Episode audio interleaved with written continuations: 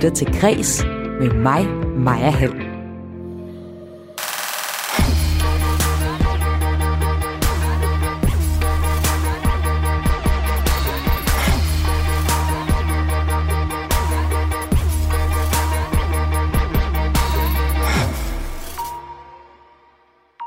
Debatten om fødendes vilkår raser herhjemme. I filmen Pieces of a Woman følger vi en 24 minutter lang fødselsscene, som har fået meget opmærksomhed på grund af dens realistiske skildring. Men helt realistisk er den ikke, mener Jordmorforeningen.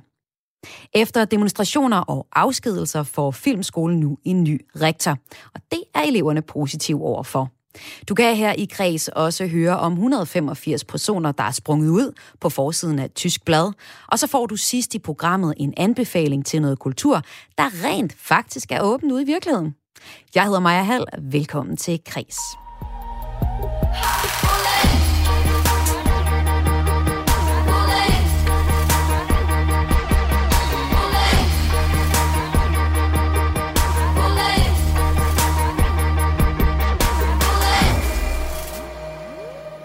Men allerførst så starter vi på øh, dagens tema her i Kreds. Det er fødsler på film. Et tema, der taler ind i en debat om kritikken af forholdene på fødegangene i Danmark, og som man kan høre både her på Radio 4 og i andre medier. Martha. Now, if you feel like it, you can push. Okay. When it comes, you can push. Okay. No, me just keep. She's uh. Oh my god! Huh? Huh? Huh? Huh? Shay. That a girl. Det her var en bid af filmen, Netflix-filmen Pieces of a Woman. I filmen der følger vi parret Martha og Sean, som øh, skal have deres første barn. De øh, har besluttet sig for en hjemmefødsel, og det ender så ret dramatisk med, at barnet ikke overlever. Filmen følger så herefter parret og familien i tiden efter. Men det filmen faktisk er særlig kendt for, det er den her 24 minutter lange fødselsscene. Og i dag i Græs, der ser jeg nærmere på temaet fødsler på film. Temaet om fødsler taber jo ind i den aktuelle debat lige nu, der handler om forholdene på øh, de danske fødegange. Og øh, nu kan jeg så sige velkommen til dig, Lis Munk. Du er formand, formand for Jordmorforeningen, og du har set filmen for os her på Kreds. Lis, hvor øh, realistisk er de første 25 minutters hjemmefødsel i din optik? Mm, altså, det, jeg synes faktisk, at når, øh, når det... Altså, øh, jo, det, det, det, de gør det faktisk meget godt. Altså, det, man, man sidder og tænker lidt, åh, oh, de kunne godt have givet lidt mere pause, og de kunne godt have givet lidt mere ro og sådan noget, ikke? Men hvis det, er, hvis det skal være tidssynkron, og hun øh, er, går i fødsel, og hun øh, er 6 cm, og så føder hun inden for så kort tid, så har man nogle meget voldsomme vejer, ikke? Øh, ja. Så... Øh, ja, det, det, det, det er et godt bud.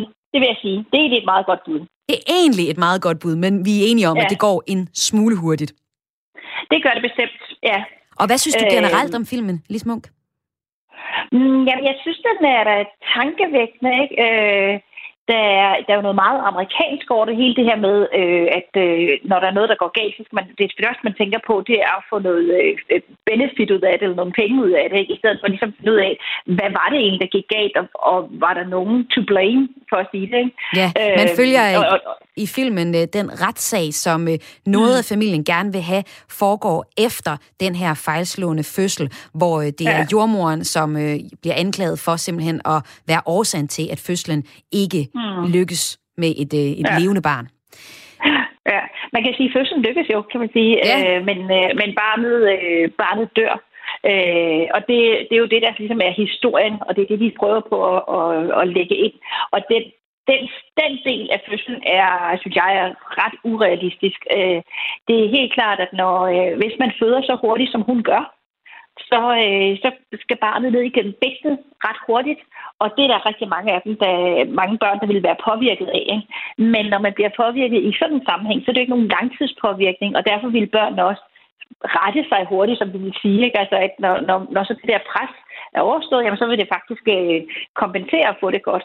Så, så det der med, at den, at den faktisk får det dårligt, og øh, og ikke retter sig øh, sådan på sigt, det, det er det, der er lidt øh, urealistisk. Og når du siger sige. retter sig, det, er, det du mener, det er... At... Altså hjerte, hjertelyden bliver øh, normal, altså ja.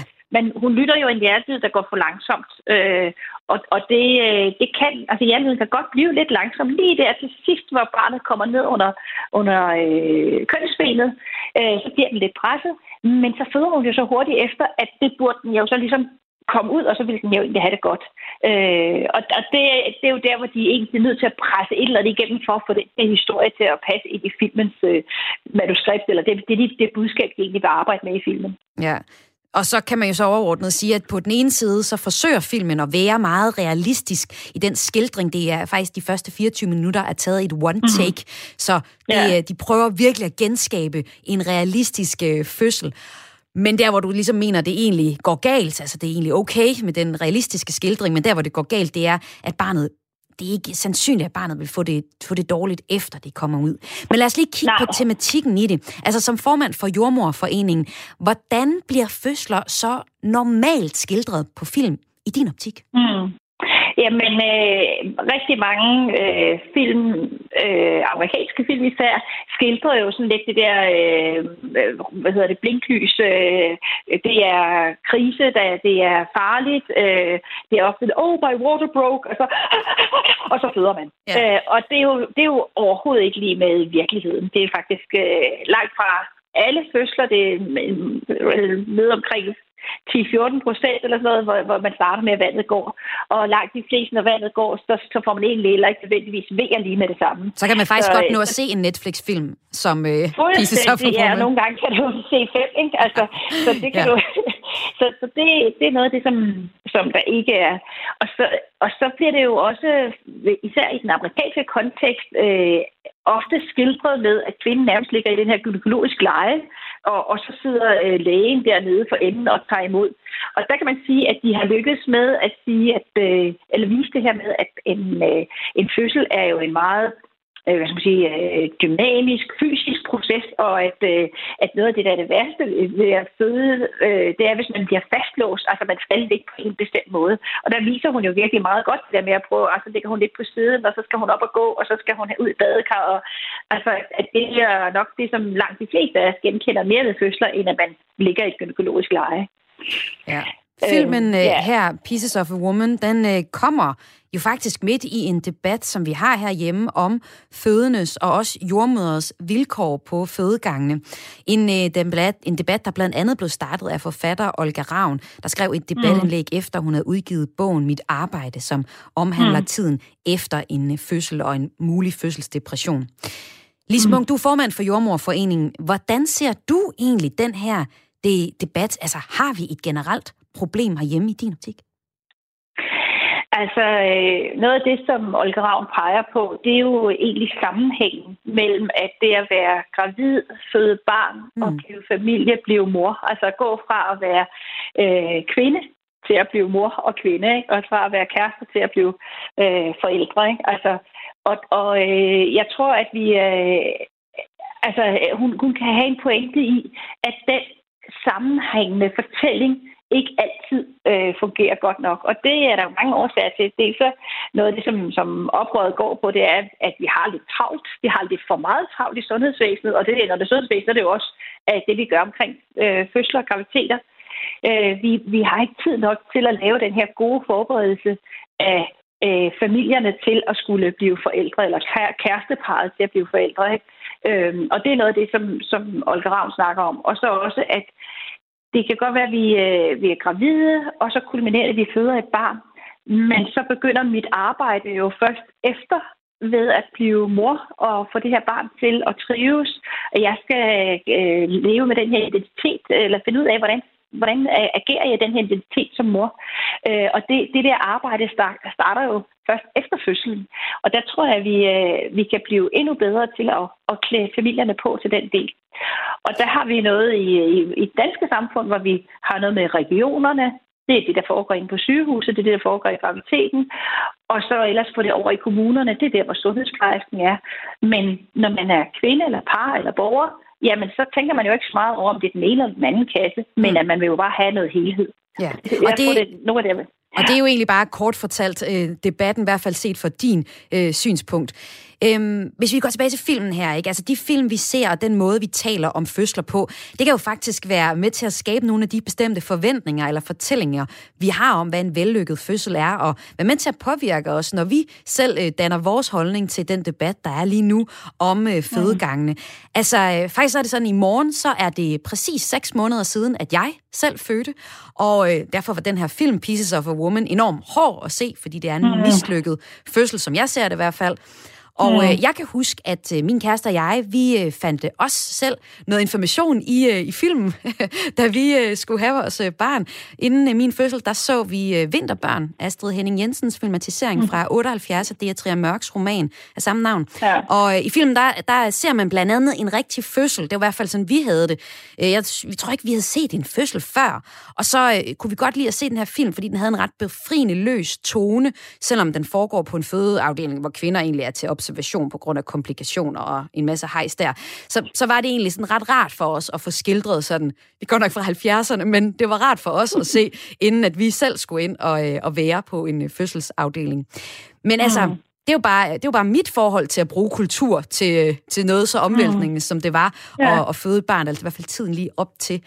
Øhm, jeg ved, at du mener, at at, det, at film i det hele taget er med til at skabe en god fortælling om omkring en, en øh, fødsel, og det er meget vigtigt. Hvordan, hvorfor mener du, at det er meget vigtigt?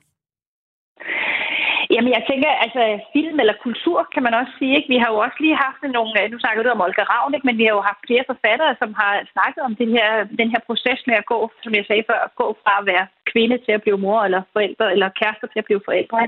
Så, øh, så jeg tror, det her med at prøve at få nogle ord sat på den proces. Altså, der er nogen, der siger, at man begriber med begreber, ikke? Og noget af det, som forfatterne kan, og så også film kan, det er jo at prøve at sætte nogle, nogle ord på det, som vi skal opleve, og det gør måske det lettere at gå ind i.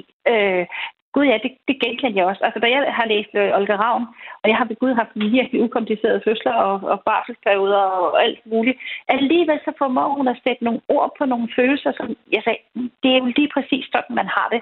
Det er jo, det er jo rigtigt nok. Øh, øh, uden at man kan synes, det er specielt svært, jamen, så er der bare nogle, nogle processer, som, øh, som jeg tænker både film, men også litteratur kan, kan være med til at hjælpe os til at forstå. Og en serie, som du fremhæver som rigtig god, det er, er serien Jordmoren, eller Call the Midwife, som man øh, kunne se på DR.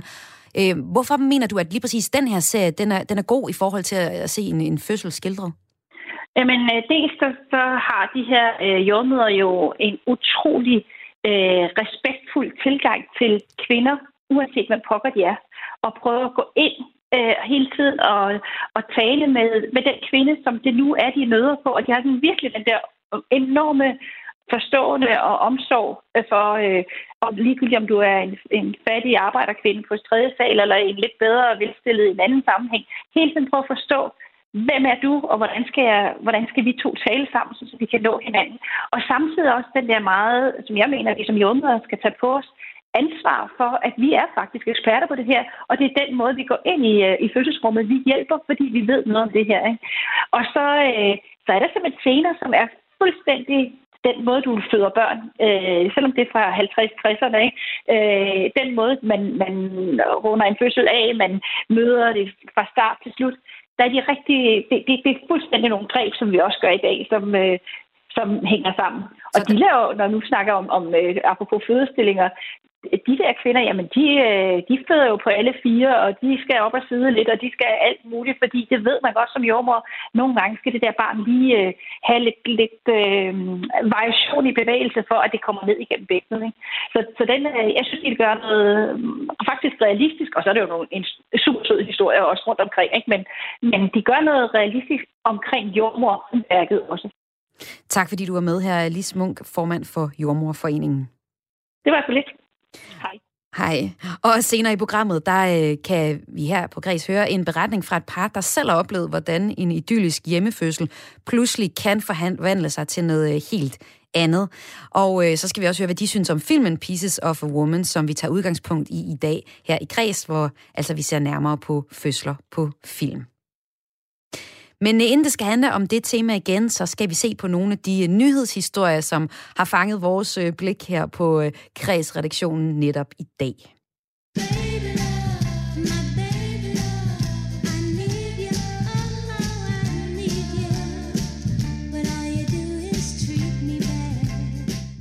The Supremes sangerinde Mary Wilson er død. Hun blev 76 år gammel. Det oplyser hendes mangeårige ven og udgiver Jay Schwartz. Wilson øh, hun døde i sit hjem i Las Vegas mandag, og øh, der er ikke oplyst en dødsårsag endnu. Men uh, The Supremes, som hun kom for, altså stod bag enormt mange hits, og dem kan vi mindes. Det er hits fra 70, 1960'erne, men stadig nogle, der lever stærkt, også på min playliste. Det er for eksempel uh, Baby Love, det er You Can't Hurry Love, og, du, og det er Stop in the Name of Love. Gruppen, der havde øh, Diana Ross som forsanger i en årrække, var en del af mange succes, succesgrupper, øh, som selskabet Motown stod bag. Faktisk er det blot et par uger siden, den 5. januar, 15. januar, at det var 60-året for gruppens kontrakt netop med det pladeselskab. Og i dag, 60 år efter, er det Supremes altså de er fortsat det mest succesfulde gruppe i USA med øh, 12 nummer 1 singler på Billboards Hot 100 liste. Wir sind schön da. Vi er her allerede. Sådan lyder overskriften på det tyske magasin Süddeutsche Zeitung Magazin. Magasinet har billeder af 185 skuespillere og skuespillerinder på forsiden, der alle identificerer sig som enten homoseksuelle, biseksuelle, lesbiske, ikke-binære eller interseksuelle eller transkønnet. Og fælles for de her 185, jamen det er, at de sprang ud på forsiden af bladet. Og øh, de kræver så nu under, der, under hashtagget øh, hashtag Act Out større synlighed for forskellige kønsidentiteter og seksuelle orienteringer i tyske film, tv-serier og på teatersiden øh, senere. Det skriver mediet Deutsche Welle. Flere skuespillere de fortæller i, i en artikel i, øh, til Süddeutsche Zeitung Magasin, at de er blevet advaret af deres agenter og instruktører og producer om ikke at springe ud offentligt fordi det simpelthen vil skade deres brand og deres mulighed for at spille heteroseksuelle roller. Øhm, den tyske skuespiller Emma Badding, hun øh, spiller blandt andet hovedrollen i Play, der sidste år modtog en Emmy, en Emmy-nominering. Hun siger, jeg ville tage til en prisuddeling og gå på den røde løber med kvinden, jeg elsker. Men det blev jeg kraftigt anbefalet ikke at gøre, fordi det ville ødelægge min karriere. Og øh, gruppen af skuespillere i magasinet, de øh, har lavet et manifest, fordi de vil gøre op med det her. De vil have den seksualitet, de har, og stadig kunne spille de roller, de bliver tilbudt. Øhm, og i øh, manifestet, der, der står der blandt andet, Indtil nu har vi ikke åbent kunnet tale om vores privatliv uden at frygte for følgerne i vores professionelle liv. Og øh, manifestet øh, slutter sig med ordene. Vi ser frem til alle de nye historier, vi vil blive i stand til at fortælle, og alle karaktererne, vi kan portrættere Verden er i forandring, og vi vil alle spille en rolle i den. Og øh, i en række af Tysklands største kulturinstitutioner har øh, de har allerede støttet op om initiativet, blandt andet den tyske filmfestival Berlinalen, det skriver Deutsche Welle. Tid må vise, om oprådet giver anledning til øh, større diversitet og flere roller i tysk tv-teaterbranche, og det altså ikke kun går til øh, heteroseksuelle hvide mænd, og at de også kan ligesom ja, ikke behøver at springe ud på forsiden af et magasin, hvilket jeg synes, man lyder ret voldsomt at gøre.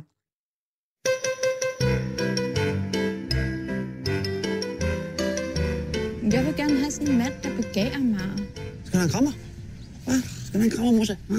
skal have en krammermusse, hørte vi her Frank Vam sige. Og sammen med Kasper Christensen er han i gang med optagelserne til den 8. sæson af komedieserien Klovn. Og øh, du har faktisk mulighed for at være med som statist. Det skriver Avisen.dk. I hvert fald, hvis du er en mand i alderen 35 til 45 år, har to børn, øh, gerne drenge mellem 6 og 9, og så skal du også lige have rigtig god tid og ikke rigtig brug for nogen penge for at gøre det her. Opgaven er slået op hos øh, Dansk Skuespillerkatalog, og det kommer til at vare en hel dag, nemlig torsdag den 11. marts et sted i København, og sluttidspunktet kan blive sent. Senest 1 30 står der i øh, opslaget. For indsatsen, der vil øh, faren og de to sønner hver blive aflønnet med et gavekort på 350 kroner per person. Og øh, så oplevelsen af at være med i Kloven i et helt afsnit, måske endda få en krammer af Frank Varm, kunne være. Nå, Kloven, øh, det, øh, det kunne du første gang se i 2005, og den nye sæson her får premiere på TV2 Play til sommer, og det er Kasper Christensen, som har instrueret alle afsnit. For at runde nyhedsoverblikket af, så skal vi nu til en øh, historie om den danske filmskole, der langt om længe vil nogen sige, efter demonstrationer, afskedelser og masser af medieoverskrifter, nu får en ny rektor. Fra 1. maj er det nemlig Tine Fischer, der har ansvaret for den kunstneriske filmuddannelse og de 100 elever, der uddanner sig til den danske filmbranche. Tine Fischer er en af, er af mange der interesserer sig for film, mest kendt for at være stifter og direktør af dokumentarfilmfestivalen Copenhagen Docs. Vi talte en hel masse om her i foråret på Kreds, fordi de var de første til at omstille sig til den nye coronavirkelighed. Men øh, nu har jeg Louis, Louis Francisco med på telefon. Du er elev på Filmskolen som dokumentarinstruktør, og så har du været med som en del af ansættelsesudvalget, der har ansat Tine Fischer som rektor. Hvad er det for en opgave, Tine Fischer får, når hun har første arbejdsdag, Louis? Øh, Tine kommer til at stå over for en række opgaver. Hun kommer til at stå over for en akkrediteringsproces, blandt andet. Hun kommer til at stå over for at skulle formulere filmskolens fremtidige identitet. Men jeg tror mest presserende kommer hun nok til at skulle hjælpe en årgang gennem deres tid på skolen, uden at føle sig som den tabte årgang øh, kvæg efteråret 19's tumult og snart et år med coronaepidemi og den tilhørende nedlukninger. Ja, overordnet kan man sige, at det i hvert fald det, jeg kommer til at følge Tines arbejde i forhold til, det er, hvor hun ligger linjen. Debatten har gået på, om den... Øh, om, om jer øh, studerende kan få lov at, øh, at lave film, eller I skal tale om at lave film. Jeg kan ikke sige det sådan i helt grove skitsering af debatten. Jo, det kan man godt. Det er i hvert fald, det er i hvert fald en god nedkogt version. Fordi det er jo en debat, der har bølget frem og tilbage. En stor del af de studerende var utilfredse med den tidligere rektor, Vinka Hvidemann. Og, øh, og hvis vi tager sagen kort, jamen altså, det er her i, i øh, 2019, at Filmskolen øh, trækker overskrifter i de fleste danske medier. Jeg elever øh, blokerer for indgangen til skolen med skilte som vi vil lave film og send Vinka hjem. Utilfredsheden med den daværende rektor, Vinka Hvidemann, handlede om øh, en ekskluderende ledelsesstil og en retning for skolen, der var mindre praktisk og mere akademisk. Og det hele kulminerede så, da Hvidemann hjemsendte en populær leder på dokumentarlinjen, det var Arne Bro. Og så i slutningen af november 2019, der stoppede Vinka Hvidemann som rektor, og Bo Damgaard trådte til som midlertidig rektor. Hvordan, øh, når du kigger ud, har eleverne taget imod nyheden om, at det bliver lige præcis Tine Fischer, der tager over? Jamen altså, nu har vi af gode grunde ikke samlet samle siden vi fik nyheden i går eftermiddags, men ud fra hvad jeg har hørt, og dem jeg har snakket med, der virker folk rigtig glade og spændte. Altså, Tine Fischer er jo ikke et konservativt valg til en rektor, øh, så det bliver rigtig spændende at se, hvordan hendes, hendes ledelsesstil kommer til at fungere.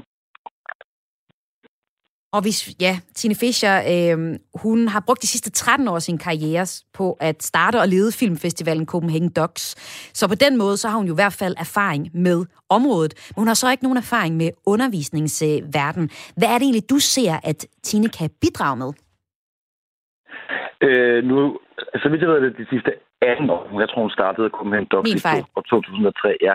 Øh, jeg tror, at Tine er en super dygtig kommunikator. Jeg tror, hun er dybt begavet, og hun brænder først og fremmest for kunst. Og hun virker visionær og fremdriftende, men stadig med respekt for, for filmskolens ånd. Og så tror jeg, at, øh, at, Tine, at undskyld, Tine kender filmbranchen rigtig godt, både politisk og kunstnerisk.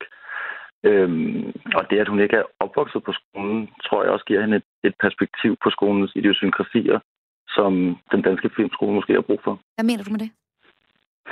Jamen, jeg mener, at det kan være svært nogle gange, øh, uden at skulle tale i universelle sandheder, øh, at, at en skole ligesom kun kultiverer talenter og, og ledere, som kommer indefra. Og nogle gange, at, det, at der kommer nogen udefra med, med et nyt perspektiv, det kan, det kan måske gøre, at det ikke helt at det ikke bliver så traditionsbundet det hele.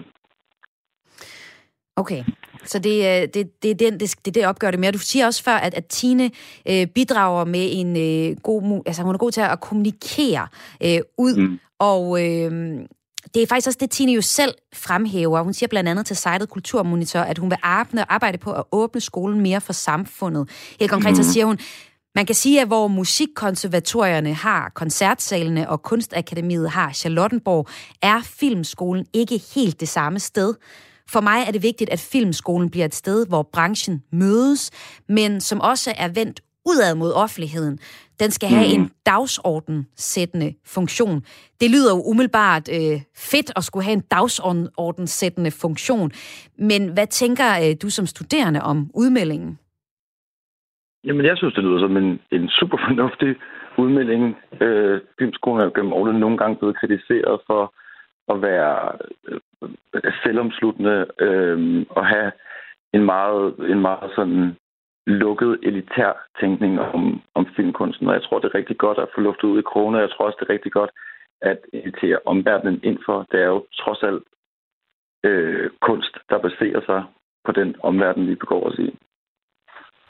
Nu er det ikke øh, første gang, at øh, Filmskolen får ny rektor på baggrund af elevernes utilfredshed. Det så vi tilbage i øh, 2013. Der ville eleverne have daværende rektor Poul Næsgaard afsat, og øh, ind kom så Vinka Hydemann i 2014, dengang som en anerkendt super filmkvinde med erfaring fra filmmiljøet. Men altså fem år efter, så, øh, ja, så var der igen balladen på, på skolen, kan man sige. Altså, hvordan undgår I egentlig, at historien ikke bare bliver ved med at gentage, gentage sig? Øh, der tror jeg igen, det handler om kommunikation. Øh, den danske filmskole er jo en meget lille skole, hvor alle kender alle og har ret nær kontakt. Øh, så jeg tror, det er en institution, der kræver åbne døre, øh, gennemsigtighed.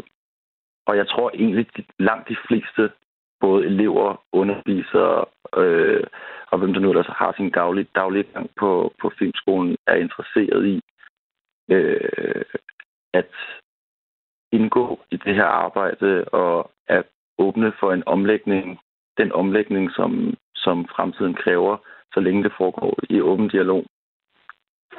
Så Louis, du tror ikke, at jeg har dig øh, med om fem år igen, hvor I så siger, ej, den, hun fungerer altså heller ikke helt?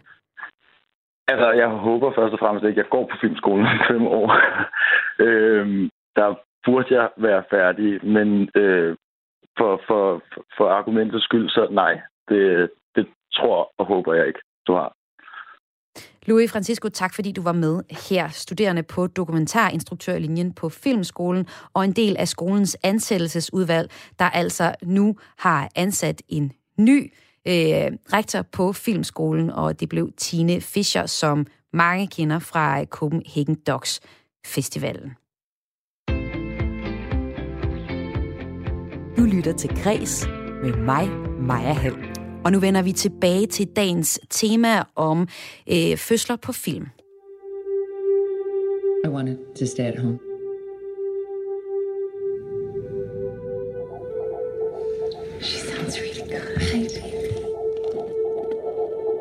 Wanted the baby to decide when she wanted to come. My daughter came into this world.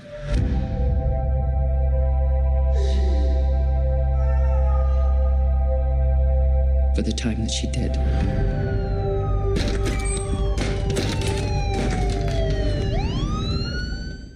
Her var det igen en bid fra filmen Pieces of a Woman, som du lige nu kan se på Netflix. I dag i Kreds, der øh, ser jeg nemlig nærmere på temaet fødsler på film. Temaet om øh, fødsler tapper ind i en aktuel debat lige nu, der handler om forholdene på de danske fødegange. Men altså, i filmen her, øh, Pieces of a Woman, der øh, følger vi en 24 minutter lang fødselsscene, og tro mig, den er altså ikke kedelig eller triviel eller noget. Se den, medmindre du lige har født et barn, så lad være med at se den. Og øh, den her 24 minutter lange fødselsscene har fået særlig meget opmærksomhed på grund af dens realistiske skildring. Det har vi allerede talt en lille smule om med jordfor, Jordmorforeningen, men øh, lad os også lige prøve at se på, hvordan en hjemmefødsel egentlig foregår i virkeligheden. Min kollega Lene Grønborg har talt med øh, parret Nadesta øh, Clemento og Victor Ebo. Og efter at have set filmen, så reflekterer og genfortæller de her deres egen hjemmefødsel, der ligesom i film endte med en akut indlæggelse. Jeg fik øh, vejer om natten. Det startede med plukvejer om aftenen, og så blev de ligesom ved omkring midnat, der var vi ret overbevist om, at jeg havde vejer. Og jeg vågner så af, at øh, hun står op, øh, hvor hun står op og tager øh, et bind på, fordi hun, øh, hun bløder en lille smule, og der er lidt udflået og sådan noget. Og, øh, og det vågner jeg så af, at hun står over ved vores skab og piller i det. Og så øh, vågner jeg selvfølgelig, og med det samme, så øh, ved jeg jo godt, hvad, det, hvad grunden er. Så jeg bliver selvfølgelig helt vågen. Og min kæreste, han ringede til øh, hospitalet omkring klokken 4, tror jeg, han ringede første gang og sagde, at nu, øh, nu var der en forestående hjemmefødsel på vej. De spurgte, om vi kunne vente til klokken 7 med at få en jordmor ud, fordi det ville passe bedre med vagtskifte. Øhm, og det, det ville vi så prøve at se, om vi kunne. Men øh, klokken 6, der måtte min kæreste ringe ind igen og sige, at nu ville vi rigtig gerne se en jordmor, fordi jeg havde det ret intenst, og vi, øh, vi kunne godt tænke os, der kom nogle professionelle og lige støttede os lidt. Så de sendte en jordmor ud, og hun kom så omkring kvart over seks eller sådan noget, og det var en, vi havde mødt i forvejen øh, i forbindelse med planlægningen af hjemmefødslen. Og, øh, og det var bare rigtig dejligt, at det var hende, og hun sådan satte sig ned ved siden af mig og så mig ind i øjnene og sagde, at jeg gjorde et godt arbejde, og det virkede meget trygt. Men vi vidste jo godt, at vi skulle kun have hende til klokken 7, så ville der komme nogle andre. Som så er en, en jordmorstuderende og en, øh, en anden jordmor. Altså, det er som om, at der, ikke bliver, der bliver aldrig rigtig etableret en god kontakt med, med dem. Øhm, altså, lige når jeg bare lige sidder og tænker på det nu. Øh, og det, det kan jeg ikke sådan helt forklare, hvorfor det er, det ikke sker, men, men der er, der er sådan et, et, par, et par clues, som i hvert fald sådan set i, i bagspejlet sådan, øh, giver mig en lidt træls fornemmelse. Blandt andet kan jeg huske, at, at de sagde noget i stil med, øh, de sad ligesom og snakkede, øh, og det var jo noget, der skete lidt, lidt meget under den her fødsel, at de sådan sad lidt og snakkede hen over hovedet på, på os, der ligesom var i gang med en fødsel. Og, og de sådan sidder og snakker om, om nogle sådan hverdagsting henover. Øh, og det, det var egentlig enormt provokerende. Det, eller det oplevede vi så meget provokerende. Jeg oplevede det så meget provokerende, fordi at det var jo en kæmpestor livsbegivenhed for os, der var i gang. Og de sad bare sådan og smalltalkede lidt. Og, og på et tidspunkt kan jeg huske, at, at jeg tror, det var min kæreste, der, der bad dem om at, at stoppe med at snakke faktisk. Øh, fordi de sidder og snakker øh, midt, i, midt i min kæreste ved at, at have en V. Så prøvede jeg at komme i vand, ligesom vi havde planlagt. Men der steg øhm, min datters hjertelyd inde i maven på grund af varmen i vandet. Så vi fandt ret hurtigt ud af, at jeg ikke kunne være nede i det der kar. Øhm, og det var jo sådan lidt træls for mig, fordi det var den eneste smertelindring, vi havde derhjemme, var, at jeg kunne føde i vand. Og nu skulle jeg så lige pludselig op og føde i sengen. Det havde vi faktisk ikke rigtig forberedt os på at kunne ske. Ja, så fik jeg lavet lavemang, som er en øh, saltvandsindsprøjtning, man får i numsen, som gør, at øh, man laver lort, og det kan ligesom gøre, at der bliver lidt mere plads øh, til, at barnet kan komme ned, og man bare i det hele taget føler, at der bliver lidt mere plads i maven. Så det er meget almindeligt at få. Øh, men, men det, det ligesom medførte for mig, var, at jeg bare blev ved med at skide, og skide, og skide resten af fødslen igennem. Øh, hvilket jo sådan er det jo. Altså, der det er jo væsker og blod og lort, men jeg synes alligevel, at det var en, en følelse af kontroltab. Jordmoren, og så var der en jordmorstuderende, hun, hun beslutter så at, øhm, at tage vandet. Øh, og så begynder min kæreste så at få, øh, få pressevejer, og, øh, og vi ligger så inde i sengen, og jeg kan huske den ene jordmor, hun siger, da min kæreste begynder at få pressevejer, at øh, jamen, så er der fødselsdag lige om lidt. Og øh, jeg presser og presser, men øh, min datter kommer ikke ud. De siger, at de kan se, at hun ligesom kommer en lille smule længere ned, men så går hun også hele tiden sådan ligesom tilbage igen. Så hun sidder sådan lidt i mit bækken, og sådan, de siger, at hun kommer to skridt frem og et tilbage. Og det går bare for langsomt. Man siger normalt, at man helst ikke skal være i pres i mere end en time, fordi at det presser babyen. Så da jeg har været det, altså presset i en time, ringer de efter en ambulance. I det, at, øh, at vi får at vide, at vi skal tage på hospitalet, Altså der, der er jeg faktisk ikke øh, bange endnu. Øh, jeg går sådan lidt i sådan handlingsmode på en eller anden måde. Øh, jeg bliver meget sådan øh, fokuseret på at øh, være der for min kæreste og sørge for, at øh, vi får de rigtige ting med. Øhm, jeg havde det meget intenst. Og øh, det der med at skulle have tøj på og ud af døren, øh, var øh, ret ubehageligt. Øh, og så var der sådan noget med, at øh, jordmoren og den jordmorstuderende sagde, at min kæreste han selv skulle finde ind til hospitalet, fordi der ikke var plads til ham i ambulancen. Og der måtte jeg ligesom zone ud af min fødeszone og kigge meget strengt på den jordmorstuderende og sige, at jeg synes, at hun selv skulle finde ind til, til hospitalet, Fordi jeg skulle ikke skilles fra min kæreste på det tidspunkt. Både fordi jeg havde rigtig meget brug for ham, og fordi jeg jo var lige ved at føde vores barn. Så det var sådan, det var en mærkelig situation. På vej ud til øh, ambulancen får min kæreste så en pressevæg, og klokken er fire på det her tidspunkt. Så det er jo lige der, hvor alle kommer hjem fra arbejde, og der er masser af aktivitet i vores skov, og øh, jeg står så øh, og holder min kæreste, mens hun øh, får en pressevæg på vej ind i ambulancen. Og jeg prøvede sådan at holde igen, fordi det var myldretid, og der var mennesker på gaden. Men, men det kunne jeg ikke. Altså, det var virkelig en følelse af, at man kan ikke styre en fødende krop. Altså, den vil bare føde. Så jeg stak sådan hovedet ind i min kærestes bryst og brølede bare den der pressevæg ud og måtte ind i bilen. Og sådan lige, jeg så lige ud af øjenkrogen, hvordan naboerne blodede, og det var virkelig grænseoverskridende. Så vi kom ind på hospitalet, og jeg blev kørt ind på en fødestue, og der kan jeg huske, at jeg helt tydeligt sagde til mig selv, vi ses, når det her er overstået. Der steg jeg bare ud af min krop. Og så kom vi ind på en fødestue, og der fik jeg V-drop, som skulle sætte gang i, øh, i de her pressevejer. Og det betød, at jeg fik V-storm, hvilket betyder, at der ikke var pause imellem vejerne. Altså det var bare pres, pres, pres. Og da jeg så havde gjort det i tre kvarter, og hun stadig ikke var kommet ud, så havde tilkaldt de en fødselslæge, som kom ind, og hun var faktisk rigtig sød, og, og det var rigtig trygt på en måde, at hun kom ind i rummet. Øhm, hun sagde, at hun gerne ville lægge en sugekop, og de spurgte, om jeg ville have podendusblokade, og vi anede ikke, hvad det var, og jeg kunne overhovedet ikke tage stilling til noget. Det er åbenbart sådan en bedøvelse, man kan ligge nederst i skeden, øh, fordi det kan gøre ret ondt at få lagt en sugekop. Og, men jeg kunne ikke tage stilling til det, så jeg sagde, at min kæreste måtte vælge, og han sagde, at det skulle jeg ikke have, fordi vi på forhånd havde aftalt, at vi ville forsøge at undgå smertestillende.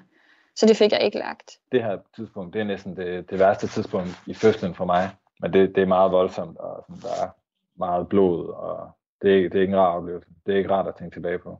Det, og det var noget, der tog, øh, det var noget, jeg havde billeder af i, i lang tid efter fødslen. Og som jeg også godt kunne finde på at drømme om. Altså den, den der situation, hvor man bare er sådan helt magtesløs, og, og bare sådan, man modtager bare ordre af en, der, og man ved ikke, hvad der foregår. Og man, og man ved ikke, om, om det er ved at gå bedre, eller om det er ved at gå dårligt. Og så lagde fødselslægen et klip. Altså hun klippede i i mit skridt eller i min skede, så der blev mere plads. Og træk en femte gang, og der kom min datter stadigvæk ikke ud, og så sagde de, nu får du et akut kejsersnit. Og så skubbede de ligesom min datter lidt op igen. Det kunne jeg sådan mærke, at de skubbede på hendes hoved, så hun kom lidt op i min mave igen. Øhm, og så bliver der så bare kaldt ligesom ud på stuen. Efter det femte træk, så bliver der bare kaldt grad 1 kejsersnit. Og, og det havde jeg været dum nok til at læse i forvejen, hvad det betyder. det skulle jeg ikke have gjort. Men, men det betyder så, at øh, beskrivelsen er overhængende livsfare for mor eller barn. Jamen, ja, jeg bliver faktisk rørt af, af at tale om det nu. Altså det er, der var, blev jeg virkelig bange.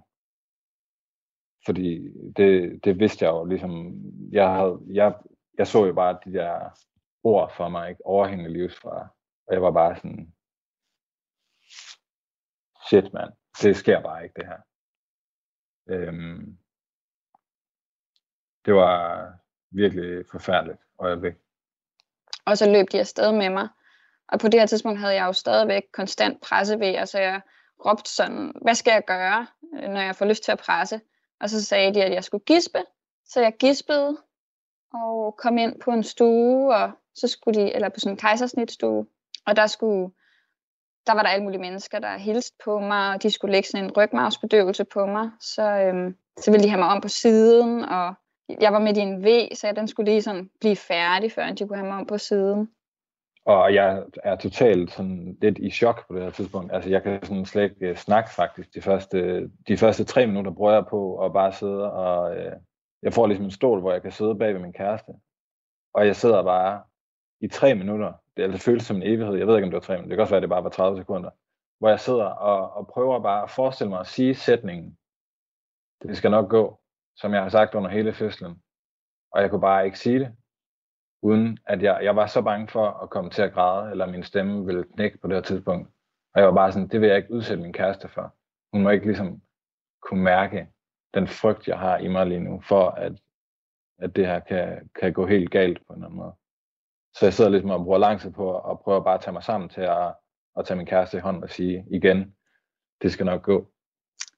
Og så efter ret få minutter kunne vi jo høre en lille lyd, som var min datter, der kom ud af maven og græd med det samme heldigvis.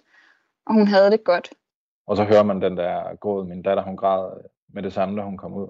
Og det er, det er nok den største lettelse, jeg nogensinde har følt i mit liv, tror jeg.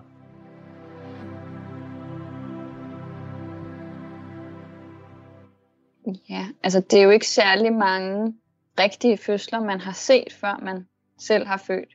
Jeg vil faktisk måske endda sige, at jeg stadig ikke har set en fødsel, fordi jeg så jo heller ikke min egen fødsel udefra. Jeg har set Piece of a Woman sammen med min kæreste, og det var meget intenst at se den. Vi sad begge to med, med bankende hjerter og, og så den der fødselsscene. Altså, jeg blev enormt rørt af at se scenen, og, og den tog mig tilbage til nogle af de følelser, som, som man havde under den der fødsel. Og altså, jeg græd, da jeg så scenen enormt meget. Fordi det er bare nogle virkelig stærke følelser, der ligger inde i en. Og som man måske heller ikke øh, sådan tager op så tit. Øhm, så kiggede jeg på min kæreste bagefter og var sådan, Nå, synes du så, det var en, en rigtig fødselsscene? Og så var han sådan, ej, det var en god efterligning. En god efterligning, men stadig ikke den ægte vare, som lød dommen her fra Nadesa, øh, Nadesta, øh, Clemenko og øh, Victor Egebo. Og det var min kollega Lene Grønborg, der havde talt med, med parret her, og øh, jeg må sige, jeg blev også rørt af deres øh, fortælling, mere end jeg faktisk gjorde af filmen Pieces of a Woman, som er den, der har givet os anledning til at tale om fødsler på film. Pieces of a Woman kan du øh, se lige nu på Netflix. Og på søndag kl. 16.05, der sender vi her på Radio 4 en reportage, der handler om fødsler i den virkelige verden. Den handler om de travle fødegange i Danmark, og den hedder Flugten fra fødegangen.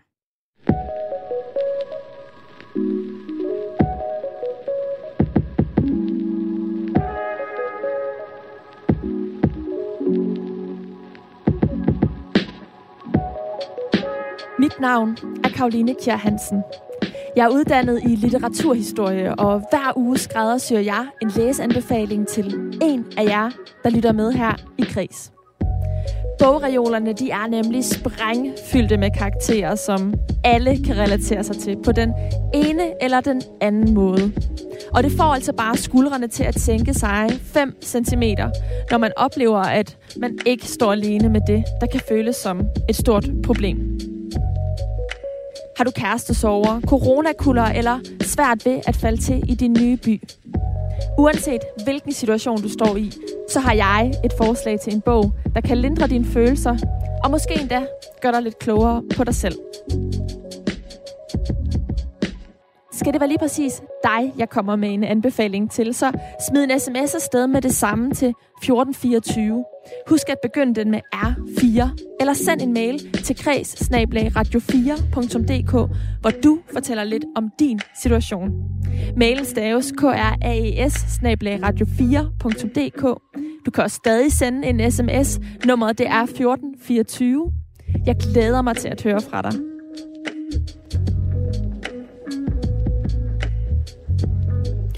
Og det aller sidste, vi skal her på øh, Kreds, inden timen er øh, gået, jamen det er at få nogle, en, en kulturanbefaling fra en af vores kulturagenter.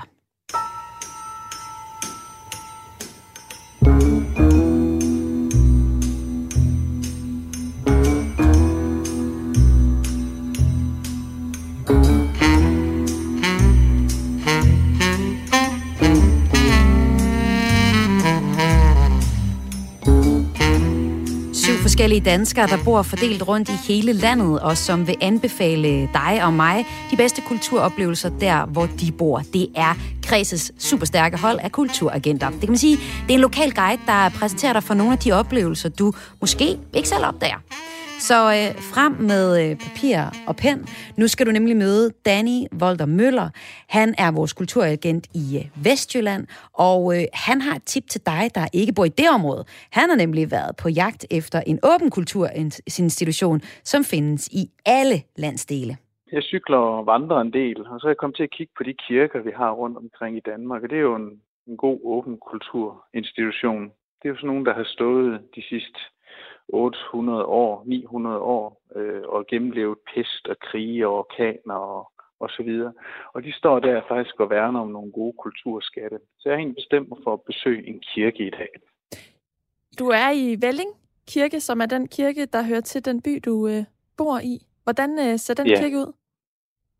Jamen altså, det er en gammel øh, 1200-tals kirke, øh, som er bygget her på kanten af Ringkøbing Fjord. Og det er simpelthen så smukt, fordi et fjorden er frossen til is, og der løbes på skøjter dernede, så det er helt vildt. Det er virkelig fantastisk. Men her har den ligget og kigget på, på liv i, i 850 år, og været samlingspunkt i et sovn. Øh, jeg sidder lige foran døbefonden her og tænker, at her er der blevet døbt mennesker i mange, mange år, og lige ved siden af plejer kisten at stå, om så skal herfra. Så kirken er bare så et sted, der indrammer øh, alt muligt liv fra dåben, så kan man skøjte, og så kan man lægge sig i graven herude. Så jeg synes faktisk, det er et fint sted at tage hen. Jeg har, når jeg har vandret og cyklet, har vi også ofte søgt kirkerne i forhold til, der er toiletter og vand. Det er sådan meget praktisk, men det er også et rart sted lige at komme ind og sidde, øh, og så bare lige hvile sig lidt, øh, når man nu er afsted. Så det er bestemt ikke første gang, jeg er i en, i en kirke. Ikke, ikke til gudstjeneste, men egentlig mere som en, en, en mental opladningsplads. Det er sådan, at lige nu så er kirkerne åbne. Der er restriktioner, som gør, at der må være øh, højst en person per 7,5 kvadratmeter. Og øh, myndighederne de vurderer altså, at det er sundhedsmæssigt forsvarligt at gennemføre både gudstjenester og andre kirkelige handlinger, når man følger øh, retningslinjerne, som øh, inkluderer både... Øh, mundbind og håndsprit, og at man ikke må synge. Og det vil altså sige, at der både er gudstjenester og andre kirkelige handlinger, som øh, begravelser, bisættelser og bryllupper, men de må højst vare 30 minutter. Og Danny, du sidder jo i Velling Kirke lige nu, og der er ikke nogen gudstjeneste, men hvordan er det så at være i det her, det her kirkerum? Jamen, det er det, der, der jeg er fuldstændig alene her. Øhm, og jeg nyder simpelthen bare lige at sidde på en bænk her og kigge på træudskæringer og en flot prædikestol og øh, flotte håndstrøgne gule mursten, som danner gulv. Og, og, og det er bare så fint. Og det, det, man kan se, det er kvalitet hele vejen igennem. Det er ikke så et sted, man har falden til IKEA. Øh, vores folkekirke kan være lidt tung at danse med mit indtryk, eller tænker jeg. Men øh, man forfalder ikke sådan lige til IKEA og pynte ting fra søsterne Grene, og det synes jeg simpelthen er så fantastisk. Så, så nu mærker jeg sådan lidt, der er ikke så meget varme på, så der er egentlig også sådan lidt koldt. Øh, men øh, det kan jeg egentlig også godt lide. Jeg har en kædedragt på. Så det er begrænset, hvor længe man kan være derinde? Eller man skal i hvert fald have varmt ja. tøj på, hvis man begiver sig ud på, øh, på sådan, i sådan en kulturoplevelse? Ja. Men det der er særligt ved kirken her, som jeg står og kigger på nu, det er altertavlen. Den er egentlig oprindelig fra 1600-tallet af, og sådan meget fra den tid af. Men i midten af 60'erne arvede kirken en større pose penge fra en ældre dame i sovnet, øh, og hun gerne forny altertavlen. Det var hendes ønske. Og der havde man Statens Kunstfond inde øh, og hjælp til, og der var der en, en kunstner, der hed Dan Sterup Hansen, der fik lov til at male. Så oven i det her gamle øh, altertavle her, der er malet noget meget, meget nymoderne kunst øh, af Jesu og hans disciple, der sidder rundt i meget, meget farvestrålende klæder, rød og øh, orange, og, og så komplementerer farven bag ved sådan dyb grøn. Øh, og der sidder han og deler brød ud til sine 12 disciple. Og det der er så fantastisk, nu sagde jeg lige, der var koldt før, men når jeg kigger på Altertown, de her dejlige varme farver, så er det faktisk som om, man nærmest kan, kan varme sig lidt ved det. Det er som om, at det gløder. Øh, og det kan jeg faktisk sådan blive både helt varm indeni og, og stå og kigge på. Også fordi, at man kan se, at det er en, måske en provokation mod, mod det, der var. Øhm, og jeg har lige læst i en lille hæfter her, der står, at der var en del af de gamle, der sagde, at det var godt, de var så gamle på det her tidspunkt, så skulle de ikke kigge på det så lang tid. Øh, men jeg er nu glad for, at der er nogen, der har været modige i 60'erne øh, og har fået et, et moderne øh, aldertavle, eller en, en gammel aldertavle til at fremstå moderne. Men så clasher den her aldertavle en smule med, øh, med de resterende øh, udsmykninger, der er i kirken? Som jo er fra ja, middelalderen. Det er en middelalderkirke øh, kirke, øh, fra ja, ja, helt præcist 1180. 1180, ja. ja. Det er en gammel sag. Men det clasher, og det, og det synes jeg er fedt. Øh, men jeg kan godt lide, at det, er, det, er, det var velovervejet dengang. Øh, så det ikke bare er et tilfældigt billede, man har, man har fundet øh, et sted. Der er gode overvejelser bag det. Og jeg synes, det er fedt, at nogen tør at øh, tænke anderledes. Og på den måde kan man jo også godt tale om øh, kirkerne som sådan nogle små udstillingsrum. Faktisk så er der 2.354 folkekirker i Danmark, så der er nok at tage rundt til. Hvis man nu tager til Velling Kirke, hvad vil du så sige, man skal lægge særligt mærke til ud over altertavlen? Er der noget andet, øh, noget uden for kirken, eller noget, der kan ligesom øh, toppe oplevelsen? Så synes jeg egentlig, det er beliggenheden. Øhm, når jeg går ud af, når jeg åbner døren hernede, så kan jeg kigge ud over Ringkøbing Fjord og kigge helt over til Klitten og Vesterhavet. Øh, og så, det, så er vi jo på kanten af Danmark, kan man sige. Og det er noget af det, jeg synes. Så det er nok beliggenheden her på sådan en lille banke her på kanten af Ringkøbing Fjord, øh, som jeg vil fremhæve. Ja. Og så øh, kan Velling i sig selv jo også være en turistattraktion. Det er jo i hvert fald sådan, at øh, en meget øh, stor forfatter efterhånden, Stine Pilgaard, skriver om Velling øh, i sin øh, seneste roman, Meter i sekundet. Øh, og Velling er altså den by med sloganet øh, Vi vil i Velling. Er det ikke sådan, det lyder? Danny? Det er lige præcis sådan, det er. Og ja. lige, det er sådan, det er her. Ja, og, og ja, vi kom på landkortet, kan man sige. Ja. Øh, så hvis man er det nu... jo, øh, og ja. det er dejligt. Og, hvis og man mange nu tager af til personerne, Kirke... der er med i bogen, er faktisk øh, rimelig livagtige og, og findes i virkeligheden. Så mine egne børn har gået hos mig, hvor der bent, og det er lidt sjovt. Det er dagplejerne. Ja. Men, øhm, men Danny, øhm, hvis nu man tager til Velling, jeg forestiller ja, mig, at mange af lytterne derude, de har læst Stine Pilgaard, den er stadig på bestsellerlisten, så der er rigtig mange i hmm. det danske land, der har kastet sig ud i den siden øh, i maj, ja. hvor den udkom. Øhm, hvis man nu tager til Velling og besøger Velling Kirke, hvor, øh, hvor højt skal man så ligesom sætte sine forventninger op? Hvor mange, skal vi sige, altertavler ud af seks vil du give den her oplevelse fra 1 til 6? ja, ud af 6. Jamen altså, så synes jeg jo nok, at jeg vil... Øh, jamen, det, det, så vil jeg nok give den 6, men øh, jeg kunne egentlig godt tænke mig at brede det lidt mere ud til at hele folkekirken. Som du lige sagde, der var 2300 folkekirker i Danmark. Øh, og hvad er det med faktisk en perle, eller har nogle perler at byde på? Øh, øh, og dem synes jeg, vi skal værne om. Så kan folk bare i den her tid, hvor vi er i, gå rundt og få besøgt nogle kirker, og så gå på opdagelse i de store kulturrum, vi har, så synes jeg faktisk det egentlig, at måske er, er hele folkekirken, der kunne få, øh, få seks stjerner, så vi kan brede det godt ud. Folkekirken har simpelthen lige fået seks stjerner her i din radiokreds på øh, Radio 4. Og det var min øh, kollega Karoline Kjær Hansen, som havde talt med vores kulturagent Danny Volter Møller, som anbefalede Velling Kirke i Vestjylland og opfordrede alle til at stoppe op ved nogle af de kirker, man øh, kan basere og gå på, på ja, gå- og cykelture rundt omkring i hele Danmark.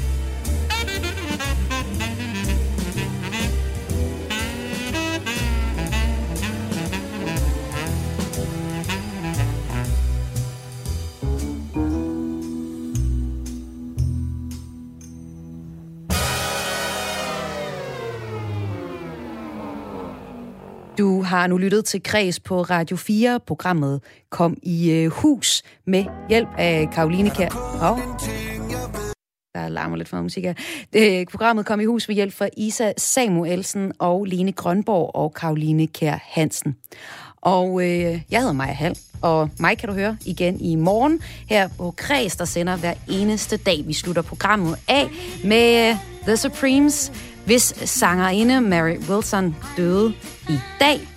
Men musikken, still going strong, her er det You Can't Hurry Love. Ha' en rigtig dejlig eftermiddag. She said love don't come easy. It's a game of give and take. You can't hurry love. No, you just have to wait. You gotta try.